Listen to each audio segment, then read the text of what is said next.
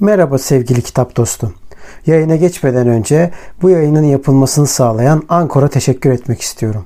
Ücretsiz olan Ankor, podcast'inizi doğrudan telefonunuzdan veya bilgisayarınızdan kaydetmenize ve düzenlemenize olanak tanıyan araçları mevcut.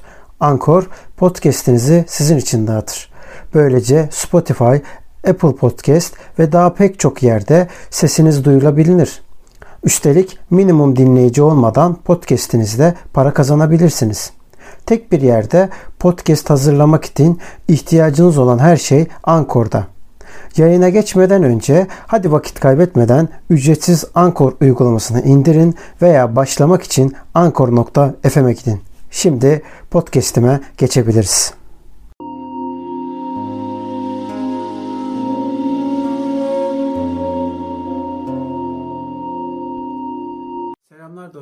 Ben kitap dedektifi. Kameranın arkasında Can Salyankoz. Selam. Bugün size İstanbul'da gezmiş olduğumuz bir yerden bahsedeceğiz. Özel bir yer aslında. Galata Mevlanesi'nden bahsedeceğiz. Galata Mevlanesi hemen adı üstünde Galata Meydanı'nın hemen yokuş tarafında günümüzdeki müzikçiler çarşısı olarak bilinen müzik aletlerinin satıldığı yerdeki hemen solda kalıyor. Orada ufaktan da olsa meydanı bir anlatayım. Ondan sonra yere gireyim hemencik. Galata Saray'ın bildiğiniz lisenin olduğu Taksim'deki yerden alıyor bu. Galata Meydanı da tabi Galata surundan yer alıyor. Hatırlarsınız Saint Pierre'an'a gitmiştik. O Saint Pierre'andaki belgeselde anlattığımız gibi orası bir aslında Galatalıların kalmış olduğu bir bölgeydi. Bu bölgede tabi belirli bir hani geçişler, gidişler, gelişler vesaireler vardı. Ve bunun yanında da orada yukarı tarafta yani Galata'nın yukarı tarafında bir saray vardı. Zaten Galatasaray takımının da isminin geldiği yer orası. Bulunan saray, Galata Saray. Yalnız orada bir krallık yönetilmiyordu. Alt taraflarda bir yönetim binası vardı ki Saint Pierre'ın hemen yanında oluyor. Bölge bu şekilde ve bunun yanında çok fazla tarihi yerler var. Taksim her açıdan zaten bu noktada çok besili bir yer diyeyim. Dolayısıyla da orayı farklı farklı kısımlarda anlatırız. İşte bu bölgelerden bir tanesi de olan Galata Mevlanesi var. Bu Mevlane de surlara doğru inerken yani Galata Meydanı'ndan şu anda olmayan birkaç parçası haricinde olmayan ki onlar da binaların içinde kaldı maalesef. Galata surlarına doğru indiğimiz zaman ki günümüzdeki tünel olarak tanımlanan bölge orada da Abdülhamid'in yaptırdığı bir tünel var. Bu bölgede yer alıyor. Hemen soldan girdiğimiz zaman müze kartla girilebiliniyor orada. Gayet uygun bir fiyata giriliyor. Sol tarafta Mevlevilerin mezarlarının yanında bir de İbrahim Müteferrika'nın da mezarı bulunuyor. Kim İbrahim Müteferrika? Günümüzde Müslüman olmayanlar açısından matbaayı ilk getirdiği varsayılan kişi. Bu arada matbaanın daha önceden aslında Osmanlı'da olduğu resmi kayıtlarda geçiyor ama daha modern halini ve Avrupa'daki halini getiren kişi oluyor kendisi. Neden peki orada mezarı? Çünkü bildiğiniz üzere Macar asıllı kendisi ve bu Macar asıllılıktan mütevellit savaştan kaçıyor ve Osmanlı'ya sığınıyor. Osmanlı'da da bizim tebaamızda artık mesajı vermek için Mevlevi dergahına katılıyor. Aslında Mevleviler bu noktada Müslümanlaştırmak adı altında Osmanlı'nın hegemonyasını yayma noktasına geliyor. Dolayısıyla tam bu noktada aslında Mevlevi'nin ne olduğuna girmemiz lazım. Ama burada bir geniş bir parantez açalım. Şöyle ki konumuzun gereği olan Mevlevi dergahımız yani Galata Mevlanesi'nde neler oldu ona bir bakalım. Galata Mevlanesi'ne içeri girdiğimiz zaman ilk başta alt katta çilehaneler var. Bu çilehanelerde bilmiyorum bilir misiniz? İçeri ilk girdiğiniz zaman aslında dergahın kendi liderleri yani tarikat liderlerinin genellikle yaptığı bir yer oluyor kendileri. Günümüzde de birçok tarikat halen günümüzde devam eden tarikatlar bunu yapıyor. İlle de Mevlevilikle alakası yok. Bu aslında şamanlıktan gelen bir adet oluyor. Selam vererek içeri girme. Yani Mesela camilerin birçok camide, modern camilerde var mı çok bilmiyorum ama eski yapılı camilerde, günümüzdeki Müslümanların gittiği camilerde, ibadethanelerde minareye imam girerken yani o bildiğimiz ezanın okunduğu minareye imam girerken eğilerek yani şöyle eğilerek girer. O yüzden bunu yapması için kapı her zaman çok küçük yapılır kasıtlı olarak yapılır. Bunun yapılmasının temel gerekçesi şudur. Aslında içeriye selam vererek girme meselesidir. Bu işte sadece Bektaşilikte de değil ya da Sünnilikte de değil ya da Mevlevilikte de değil Aksine şaman adetlerinde de böyle bir gelenek olduğu biliniyor. Dolayısıyla da bu aslında günümüzdeki yansıması olarak böyle diyebiliriz. Peki bu Galata Mevlanesi ile ne alakası var? İşte burada da bu tarz girişler var. Ufaklı, büyüklü küçüklü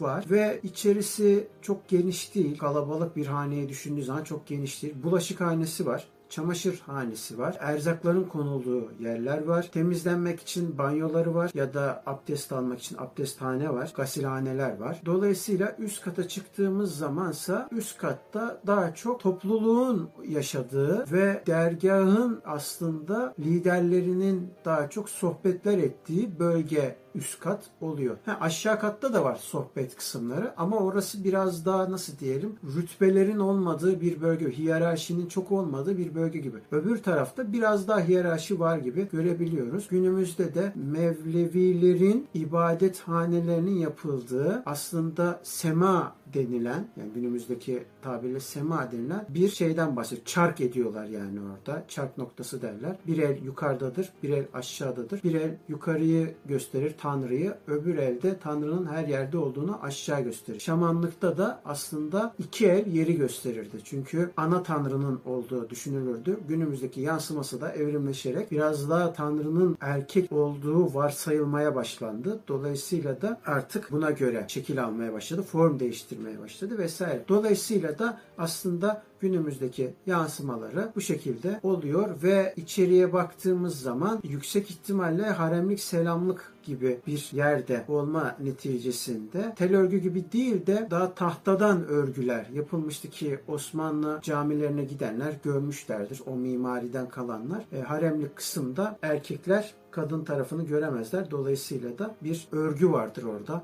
tahtadan, ahşaptan daha doğrusu bir örgü vardır. Bu örgünün öbür tarafında kalıyorlar. Burada da bunları görebiliyoruz. Hatta bu giriş çıkışlar da farklı galiba. Çünkü bir yerler sanki biz girdiğimiz yerden değil de başka bir yerden çıktık dışarıya. Acaba o ondan mı kaynaklı yoksa zaten hani Yok şundan girişler... dolayı iki katlı ya o yer. Hı hı. Dolayısıyla hani birincisi mimari açıdan yani iki katlı olduğu için ondan birisi önden giriş birisi arkadan giriş. Öte yandan da muhtemelen ağır konukları aşağıda ağırlamıyorlar. Çünkü şimdi gelelim asıl tarihine. Aslında bu onun tanesini de gösteriyor mimari tarihinden ziyade bize biraz daha sözlü ve yazılı tarihinden bahsedeyim konunun. Aslında bu Bektaşilerle Mevlevilerin birbirlerinden ayrılma hikayesi oluyor. İki tarafta yani Hazreti Ali'nin yolundan diye iddiası var. Ancak şöyle bir kırılma noktası oluyor. Bektaşiliğin tam olarak ne zaman kurulduğu bilinmiyor. Lakin Mevleviliğin daha çok biliniyor. Çünkü Hacı Bektaşi Veli'nin yoluyla Bektaşilik ilerlediği için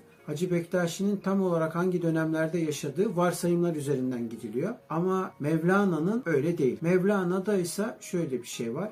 Şems Tebrizi gelene kadar İran'da Şii örgütçüsü aslında kendisi. Tam bir örgütlenme makinesi. Örgütleye örgütleye gidiyor ve en sonunda meşhur dergaha geliyor. Neresi? Konya'daki Mevlevi dergahına. Ve bu dergaha geldikten sonra oradaki genç Mevlana'yı aslında kelimenin tam anlamıyla örgütlüyor. Ve bu örgütleme hatta bir ara tam gidecek. Mevlana onu bırakmıyor. Birlikte devam ediyorlar konuşmaya. Ve onun üstüne aslında bir divan da yazıyor Mevlana'nın kendisi. Divanı Şems Tebrizi diye. Dolayısıyla da bu andan itibaren aslında daha çok Sünniliğe doğru kayan ve Bektaşilikten tam anlamıyla ayrılan biraz daha Şii ağırlıklı yani biraz daha muhafazakar. Çünkü Bektaşiler o kadar muhafazakar değil bu noktada. Daha muhafazakar, biraz daha kendi soyundan olanları destekleyen. Çünkü Bektaşilikte aslında Mevlana'nın söylediği ne olursan ol gel politikası uygulanırken yine Mevlana'nın söylediği ne olursa yani az önceki söylediğim kelimenin kendisi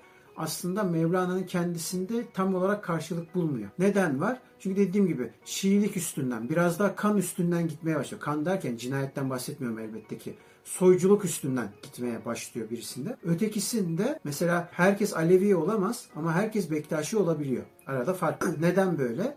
Alevilik çünkü kandan kana geçiyor. Yani soydan soya geçiyor. Ama şeyde öyle değil. Bektaşilikte öyle değil. Yani bir Hristiyan bile olsa, bir Yahudi, bir Şaman bile olsa o kültürden yararlanabiliyor. Hatta o kültürde kendini görebiliyor, kendini öyle tanımlayabiliyor. Bunda herhangi bir sıkıntı yok. Ama Alevi olarak söyleyemiyor. Lakin onlara göre her Alevi Bektaşi olarak devam edebiliyor. Bu yönüyle birazcık daha böyle ikircikli bir yön diye söyleyebiliriz. Ama Mevlevilikten ayrı. Peki bu nokta neden böyle ayrıldı? Az önceki söylediğimiz tabii kırılma noktası oluyor. Doğru. Lakin Osmanlı'ya yansıması biraz daha farklı oluyor. Bu işte dergah bunlardan bir tanesi oluyor. Şöyle ki normalde dergahlar barışı savunur.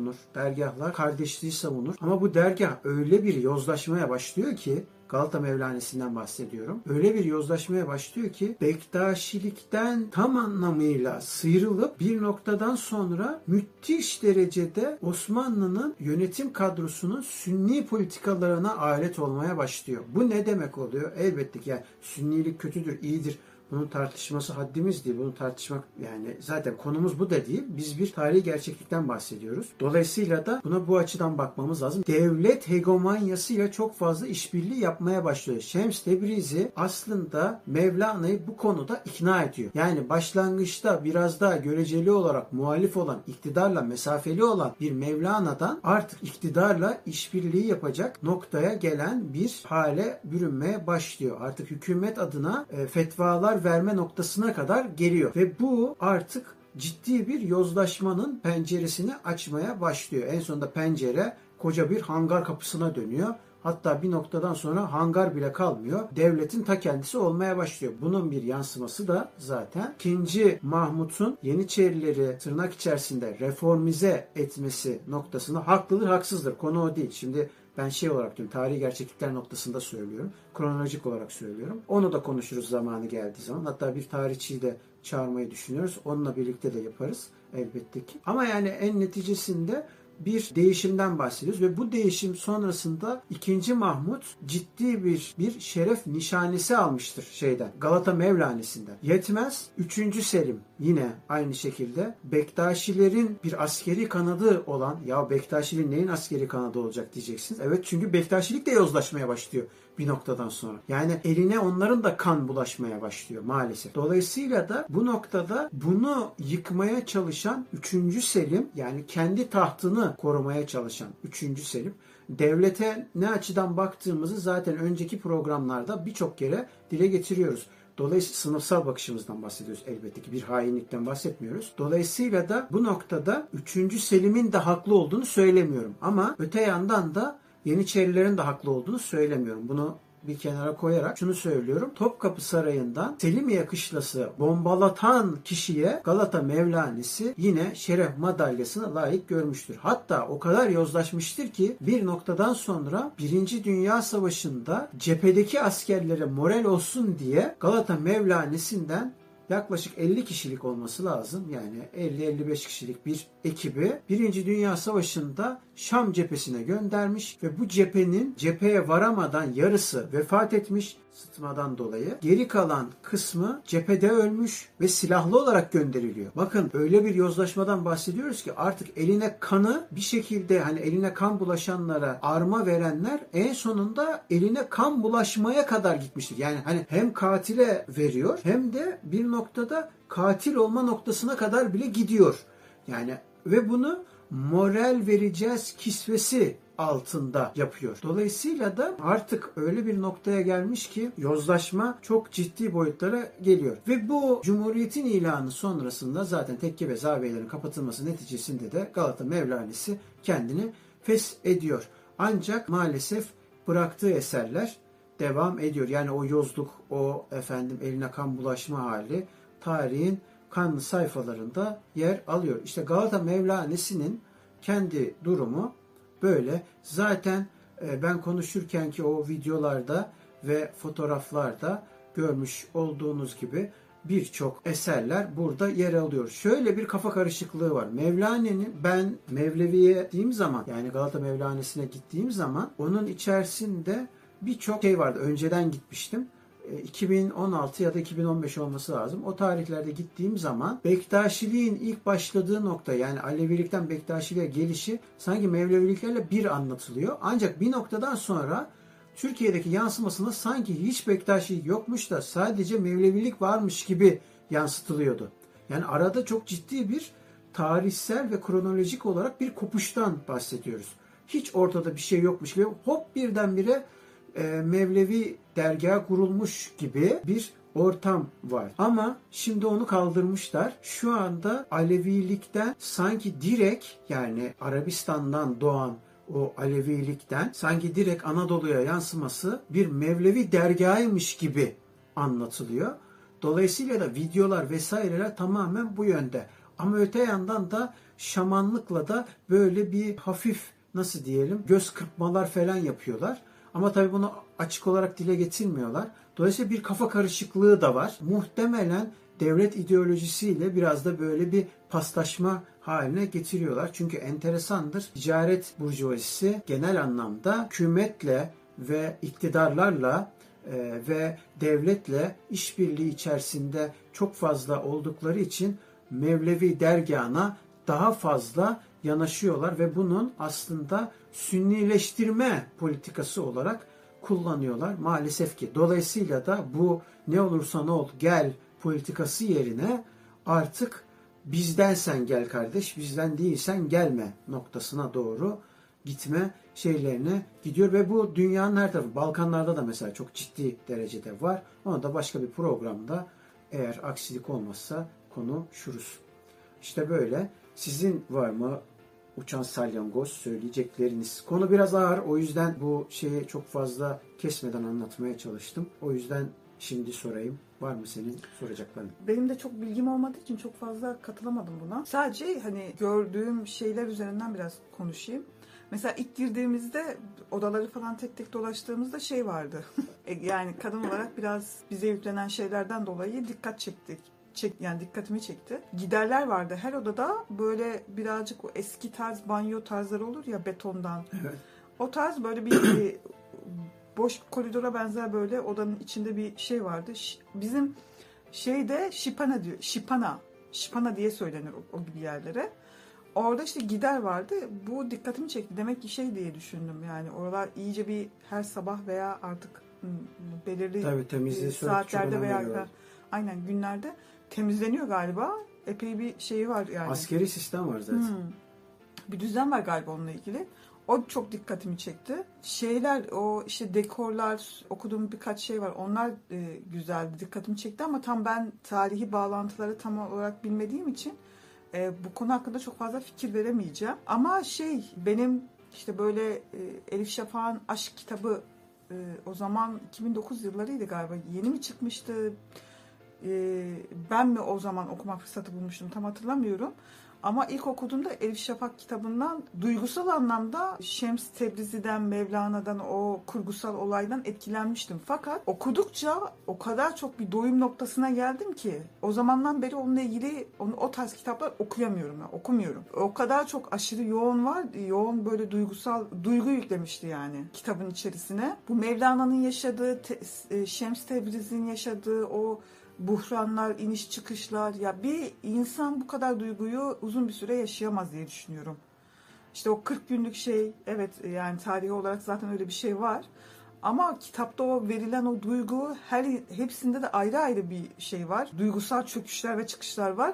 Yani uzun süre e, bir insan bu duyguyu kaldıramaz diye düşünüyorum ki ben şey okuduğum için e, kaldıramadım yani bana fazla geldi ve doyum noktasına geldi. E, Ondan başka o tarz kitapları okuyamadım mesela. O, o, o kısım hakkında sadece yani bu konuyla ilgili bir şey söyleyebilirim. Başka da söyleyecek bir şeyim yok ama güzeldi gün olarak hani o anki o metafor, o görüntüler, işte o bende bıraktığı duygu güzeldi. Evet, Peki o zaman görüşmek üzere. Yeni tarihi bilgilerle görüşmek üzere. Görüşürüz.